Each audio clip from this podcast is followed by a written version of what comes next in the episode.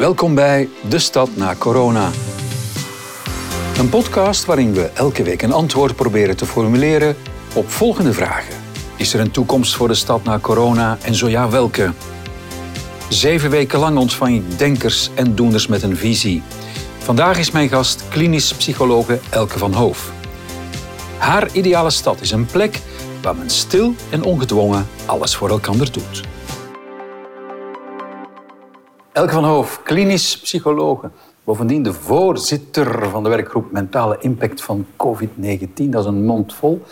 Ik denk niet dat je een eh, psycholoog moet zijn of een experte om te zien dat die, uh, dat virus, corona, dat dat ontzettend ingrijpt op ons mentale welzijn. Hoe ben je eigenlijk zelf tot nu toe deze crisis doorgekomen? Dat is een hele goede vraag. Ik uh, vond dat een heel intense periode.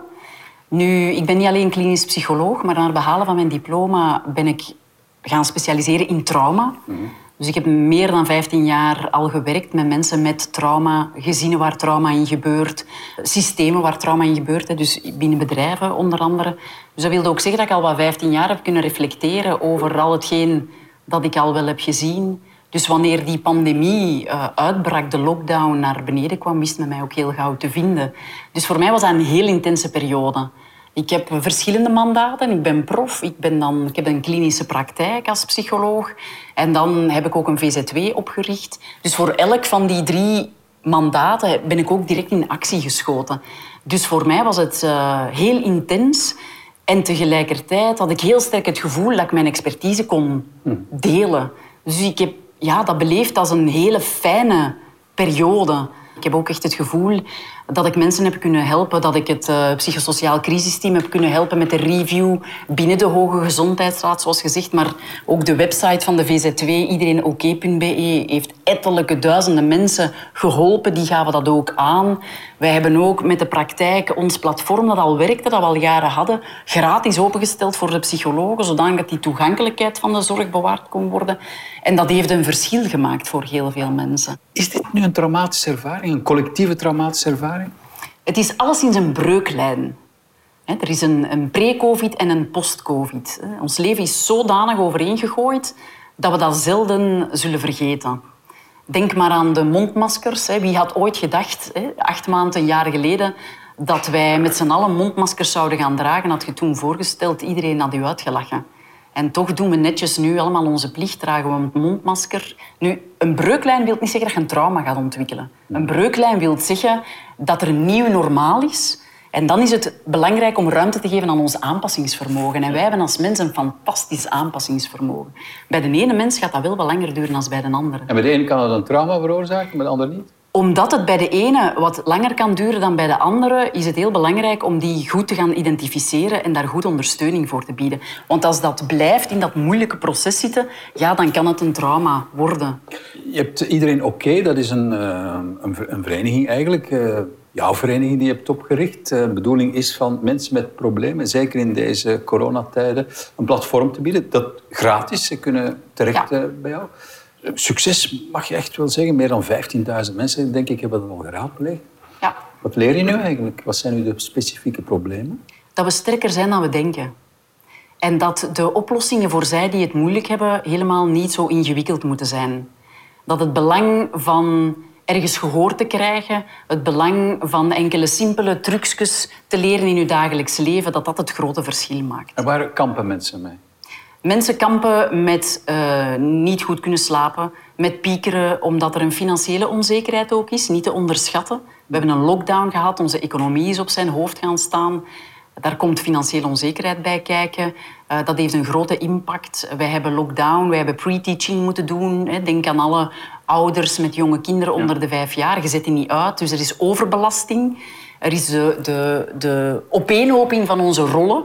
En ook het verlies van connectie met anderen. Eén op twee, zelfs in de piek, rond mei, juni, had het zwaar. Dat wilde ook zeggen, was wat pessimistischer als ervoor.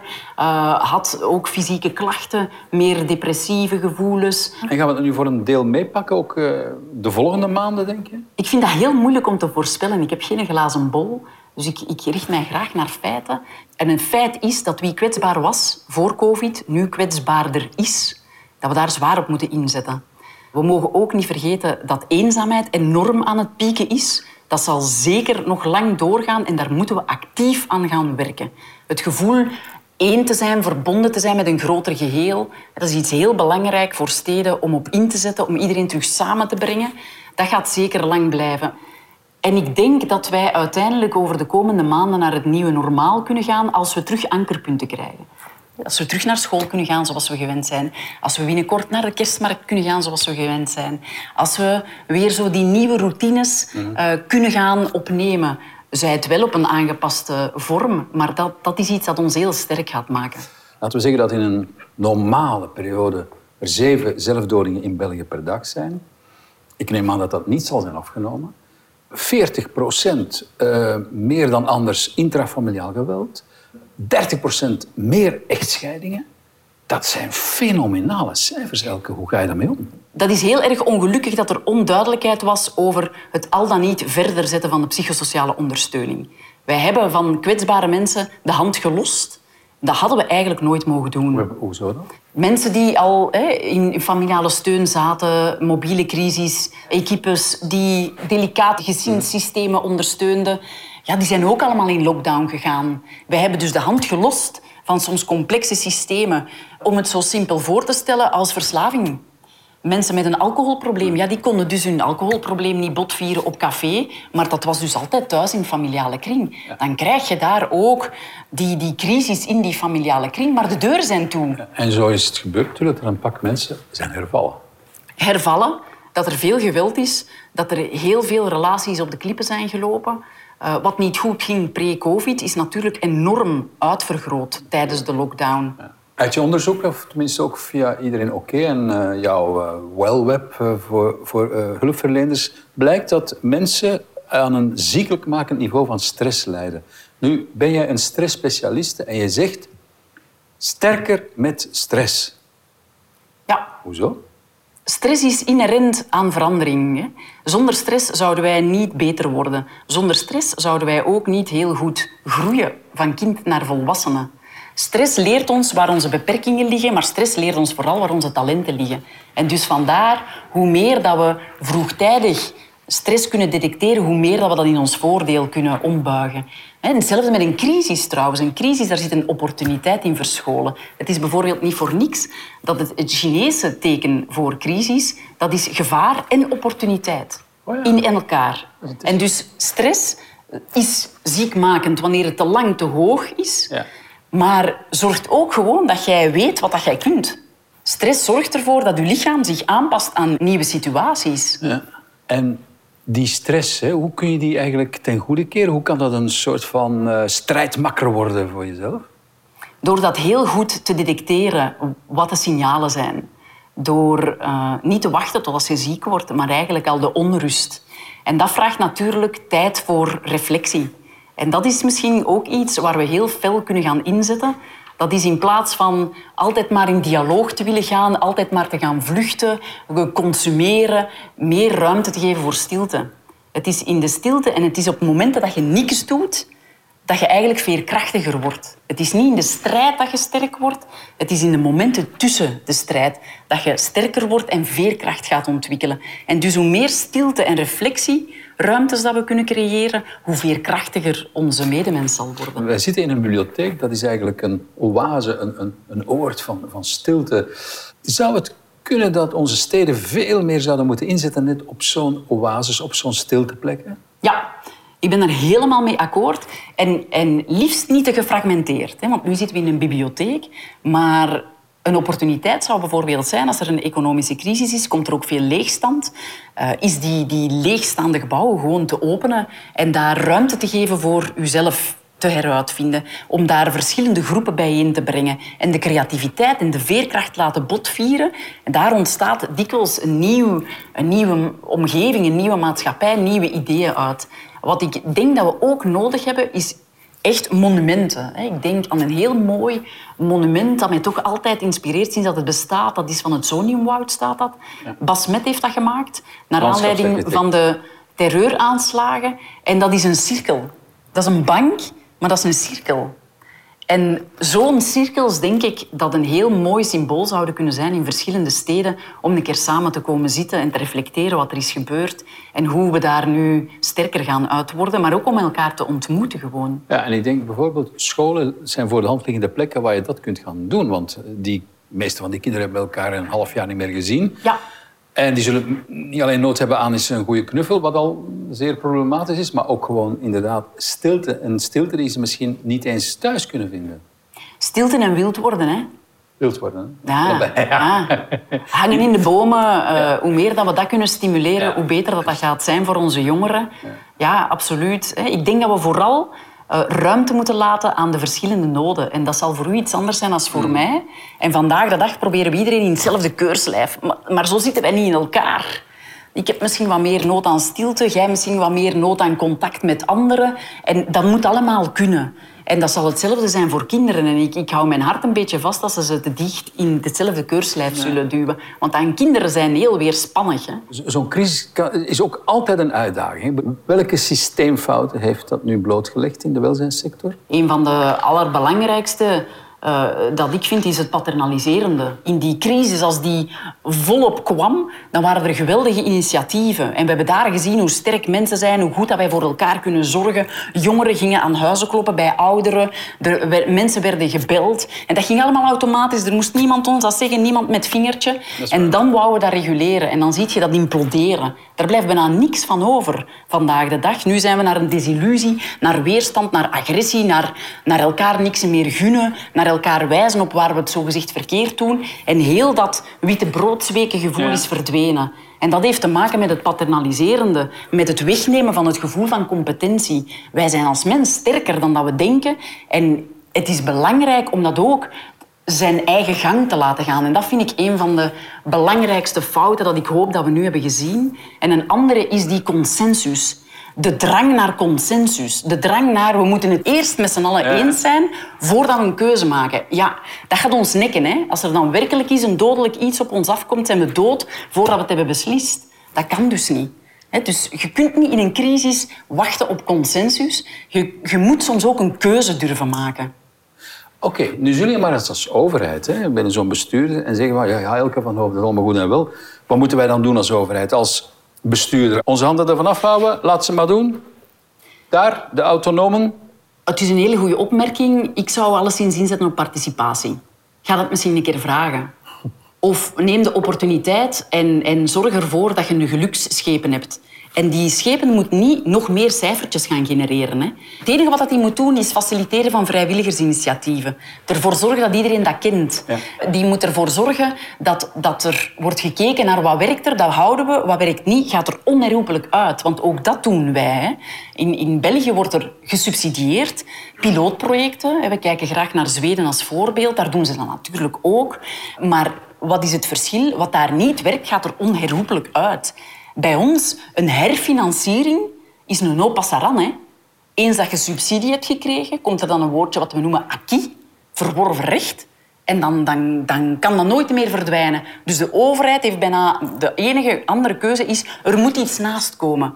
Maar zo creëerde meer chaos, zo creëerde meer inefficiëntie, wildgroei. En dat is nu eens iets dat we moeten vermijden in tijden van onzekerheid. Wij zitten natuurlijk met legislaturen, met een beperkte leefbaarheid. En dat wil dus ook zeggen dat je heel snel moet kunnen scoren en, en dat je al moet voorbereiden op de volgende kies. En ik denk dat dat misschien een van de problemen is waarmee dat wij worstelen. Dus eigenlijk een soort van gescleroseerd conservatisme. Dat wat ooit uh, zijn nut heeft bewezen en wat goed functioneert, daar gaan we dan toch maar hetzelfde recept voor gebruiken. Terwijl misschien ondertussen iets veel anders, uh, veel beter zou kunnen zijn. Trial and error. Werkt het? Goed, oké. Heeft het ooit gewerkt? Ja, maar nu niet meer. Weg. Maar dat kan blijkbaar moeilijk. Zeg. Dat is heel moeilijk, dat is heel delicaat. En dat is in mijn ogen, maar dat is volstrekt mijn persoonlijke opinie, dat is misschien het perverse effect van subsidie. Ja. Er zijn heel veel instanties die quasi alleen draaien op subsidie. En dus als die subsidie wegvalt, valt ook uw job weg. Want natuurlijk willen wij vooral behouden wat we al hebben. En ook dat is des mensen. Hè. Wij zijn gewoontedieren. Dus als men daar een beetje te, te, veel begint te rammelen aan ons, dan gaan wij ook in de stress staan. Hè. kan nooit kwaad om eens bij de buren te gaan kijken, Elke. Uh, jij kijkt graag uh, heel ver weg. Nieuw-Zeeland. Behalve dat het een fantastische vrouwelijke premier is, wat is daar nog zo goed aan? Zij zetten in op geluk. Nu, geluk daar betekent enerzijds vitaliteit. Wij willen dat onze mensen vitaal zijn. Dat wil zeggen, zo lang mogelijk leven in goede gezondheid. Dat is veerkracht, gemakkelijk gezegd. En aanpassingsvermogen.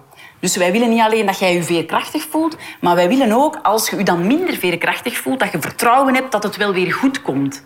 En dat, is, dat vind ik echt fantastisch. Dat zouden wij ook kunnen doen. Wij zouden ook kunnen kijken van hoe veerkrachtig zijn wij en dan dat, dat uitzetten tegen hoeveel aanpassingsvermogen. En dan, dan gaat het over hoe gemotiveerd zijn wij nog om bepaald gedrag te stellen. Geloven we eigenlijk nog in waar onze stad of, ons, of onze overheid voor bestaat? En heb ik nog energie, zowel emotioneel als fysiek, om dat juiste gedrag te stellen. En als je die twee zou samenpakken, dan ga je veel getargeter, veel gerichter bepaalde adviezen kunnen formuleren voor bepaalde groepen. Je zegt, uh, als je je thuis voelt in een stad, dat is eigenlijk de, het beste levenselixier dat je iemand kunt geven. Je, thuis voelen in een stad. Hè? Hoe voel ik mij in godsnaam thuis in een stad, in een buurt waar criminaliteit heerst, waar uh, mensen elkaar naar het leven staan, waar granaten tot ontploffing komen, mensen worden afgeknald? Hoe voel je je dan in godsnaam thuis in zo'n stad? Ja, je haalt er de extreme uit. Hè? En, en thuiskomen uh, sluit niet uit dat die extremen er niet zijn. Maar je hebt een keuze. Hè. Je kunt ofwel zeggen van we gaan uitvergroten wat er niet goed gaat en laat ons dan met z'n allen al in onze kist gaan liggen, want het gaat ook nooit beter gaan. Of je kunt zeggen, we gaan ook een keer belichten de andere kant. Hè. Want ook waar granaten ontploffen, daar gebeuren ook mooie dingen. En laat ons starten met wat nog wel werkt. En dat een keer gaan uitvergroten en dan eigenlijk dat gebruiken om stellingen te bouwen rond die plekken waar granaten komen. Want er is iets heel krachtigs. Dus dat er gebeurt als mensen samen zeggen, ik dacht het niet. En dan hoef je het zelfs niet uit te spreken. Stilzwijgend protest is het sterkste protest dat er bestaat. Nu, dit gezegd zijnde, hoop ik vooral dat steden gaan inzetten in het gevoel van thuiskomen. En hoe doe je dat? Dat is dat iedereen daar iets van zichzelf in herkent. Ik heb met onze koningin een aantal keren gepraat, ook tijdens de lockdown. En haar kinderen, die hebben eigenlijk alleenstaande mensen en alleenstaande ouderen opgebeld elke dag. Die hebben zo meer dan 300 mensen aan de telefoon gehad, gewoon om te vragen hoe is het. Dat ik daar niet zelf ben opgekomen. Daar ben ik zo jaloers op. Maar ook dat onze scholen daar niet zijn opgekomen. En dat is ook een gevoel van thuiskomen. Dat is iemand die het signaal geeft, jij hoort hier wel. Nu blijkt uit recent onderzoek, Elke, dat uh, het virus uh, genadeloos is, vooral voor mensen uh, met een lagere sociaal-economische status. Hoe kun je dat in godsnaam aanpakken? Door ervoor te zorgen dat die groepen ook wat meer voorsprong krijgen. Als ik terugkijk op de afgelopen maanden, heeft men ook vooral maatregelen genomen voor de middenklasse. Lockdown, dat is niet zo erg als je een hof hebt. Maar als je daar in een schoendoos zat met 800 man bij elkaar, was dat wel een heel ander verhaal. Ik blijf het herhalen, ik heb het in meerdere uh, interviews ook al gezegd. Waarom zet niet elke stad zijn, zijn leegstaande panden open voor kinderen die in die schoendozen wonen? Ik weet zeker dat als je een oproep doet, dat ook daar ouders willen komen toezicht houden om ervoor te zorgen dat die kinderen bewegingsruimte hebben. Het kunnen verbinden en het, het, het samenbrengen van de verschillende uh, lagen in de maatschappij, ik denk ik daar een heel goed antwoord op. Een van de dingen die kunnen werken, denk je, uh, zijn de Franse balouchons. Ja. Wat zijn dat voor dingen? Balouchon wil zeggen knapzak, hè? wil zeggen rugzak. En wat ze daar eigenlijk doen, is... Uh, dat zijn vrijwilligers die mantelzorgers ontlasten. Dus zij zorgen ervoor, als jij nu moet zorgen voor een ziek familielid, dat jij even een paar uur vrij hebt, of misschien zelfs een weekend vrij hebt. Langs de Vlaamse kant hebben we respijthuizen. Eigenlijk een soort van buddies van buddies. Ja, buddies van buddies, zodanig dat jij even kunt ontlasten. Ik denk ook daar hè, kunnen we heel veel van leren. Ik vind dat een heel mooi voorbeeld. En is dat succesvol? Zijn er genoeg mensen, buddies, die uh, te vinden zijn die buddies bijstaan? Dat is altijd de vraag. Dat krijg ik dan altijd te horen. Ja, maar ja, Elke, hebben we genoeg mensen om dat initiatief te voeden? Ja, allemaal, maar vraag... allemaal goed en wel, uh, ja. dromertje, maar... Vraag het eens. Niemand vraagt het. Waar kun jij vinden waar je kunt op intekenen? Er zijn heel veel mensen die een zinvolle tijdsbesteding zijn verloren. Die op werkloosheid komen, al dan niet tijdelijk. Die hebben geen vaste dagstructuren meer. Moest je die een lijst geven van hier kun je allemaal op intekenen, al dan niet tijdelijk. Maar ik denk dat je een toevloed zou hebben aan mensen. Want ja. wij zijn inherent goed. En dus wat krijgen we ook? Allemaal kleine initiatiefjes die niet van de grond komen omdat ze geen goede toestroom hebben. Vandaar ook wat ik daarnet zei. We hebben een geluksschepen nodig. En het enige dat die moet doen, is monitoren van zo'n initiatieven en dat verder voeden. Afscheid, wat hebben we nog niet over gehad. De manier waarop wij van mensen hebben moeten afscheid nemen. Met rituelen. Je, dat wordt ons letterlijk ontnomen. Ja. Nou vraag ik me af, gaan we dat nu blijven doen zo? Gaan we blijven op die manier uh, afscheid nemen? Wacht ook nog altijd op een ingebed rouwmoment. We zijn bijna aan 10.000 doden. Elk van die 10.000 doden heeft een familie. Dat heeft een kloppend hart gehad. Wij hebben eigenlijk de medische kaart getrokken. En de medische kaart is soms beestachtig. Ja. En dat is dan wat het is. Maar laat ons daar dan iets tegenover stellen. Laat ons de dood niet doodzwijgen. Ze hebben recht op erkenning, ze hebben recht op een plaats en ze hebben recht om niet vergeten te worden. Zodanig dat die nabestaanden kunnen rouwen. Want die hebben ook recht op rouw. Zij hebben nood aan het ritueel om een groep te hebben rond hun waar ze eindeloos het verhaal kunnen gaan vertellen. Dat is, dat is een menselijk recht. En dat is zeker iets dat echt nog onontgonnen is vandaag. Elke van Hoof, jouw ideale stad is een stad waar men stil en ongedwongen alles voor elkaar doet. Ja. Zoals ik daar juist zei, verbinding is hetgeen dat ons eigenlijk het sterkst maakt als mens. Ervoor zorgt dat we het langst in goede gezondheid leven. En daar komt ook warmte uit voort. En, en ja, het is gewoon iets dat ook zorgt dat we iets hebben om naar uit te kijken. Ik moet spontaan terugdenken. Ik kom uit Hoegaarden. Dat is dan uh, letterlijk de hemel op ons gevallen in de zomer met een storm na de oogst. En dan is het slijk van de landen in het dorp gespoten. En elke keer opnieuw eh, ziet iedereen uit zijn huis komen. Je bent niet van Hoegaarden als je dan niet buiten komt met je uh, aftrekker. En ik was zo aan zee op dat moment. En in mijn praktijk was de kelder ondergelopen. We, we were in deep shit, letterlijk. En ik heb dan niks moeten doen. Tegen dat wij daartoe kwamen, was zo goed als alles bijna weg. Dat is een plek waar men stil en ongedwongen alles voor elkaar doet. En dat is dan veiligheid. Dat geeft geborgenheid. Dat zorgt er ook voor dat je attenter bent voor elkaars behoeften en noden. En daar moeten geen grootse dingen voor gebeuren. En dat moet ook niet door een overheid worden georganiseerd of zo. gereguleerd worden. Geen paternalisme. Laat het ontstaan. Laat het ontstaan, ja. En, en Zorg ook voor warme buurten. En ik weet, hè, dat is een, een, iets waar steden en gemeenten nu al heel fel op inzetten. Ik kan alleen maar aanmoedigen om dat verder uit te bouwen. De Vlaamse feest dat je mocht doen, zo begin juli, kun je zo een premie aanvragen om een feest te vieren. De speelstraten, eigenlijk zouden we dat veel, veel, veel sterker moeten promoten. Zou dat veel meer in het nieuws moeten komen. En elkaar hè, gaan helpen doordat er staan met een aftrekker als het water hoog staat. Dank je wel. Alsjeblieft. Dit was De Stad na Corona. Bedankt om te luisteren. Onze afleveringen zijn beschikbaar op stadnacorona.be en op de podcastplatformen Apple, Google Podcasts en Spotify.